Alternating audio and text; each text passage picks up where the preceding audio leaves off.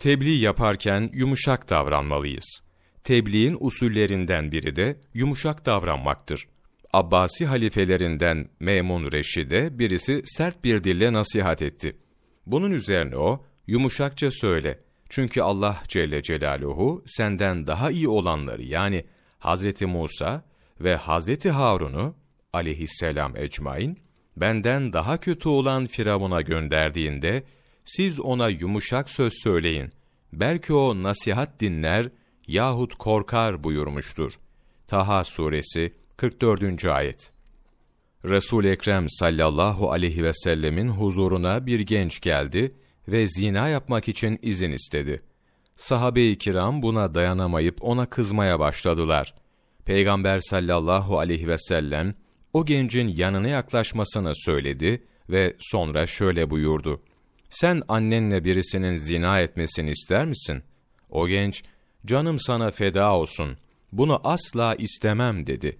Peygamberimiz sallallahu aleyhi ve sellem, aynı şekilde başkaları da analarıyla zina edilmesini istemezler.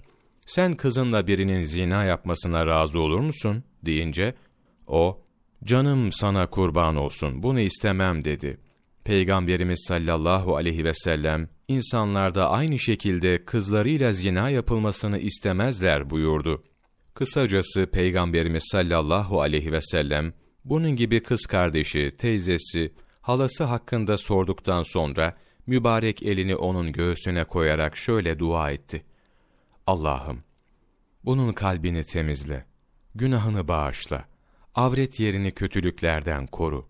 Hadisi rivayet eden sahabi radıyallahu an diyor ki, ondan sonra o gence zina kadar hiçbir şey iğrenç gelmiyordu. Özet olarak, tebliğ yaparken, ben bu durumda olsaydım, halkın bana nasihat ederken hangi yolu seçmelerini isterdim diye düşünerek, dua ile, elden gelen çareye başvurmakla, şefkat ve yumuşaklıkla anlatılmalıdır.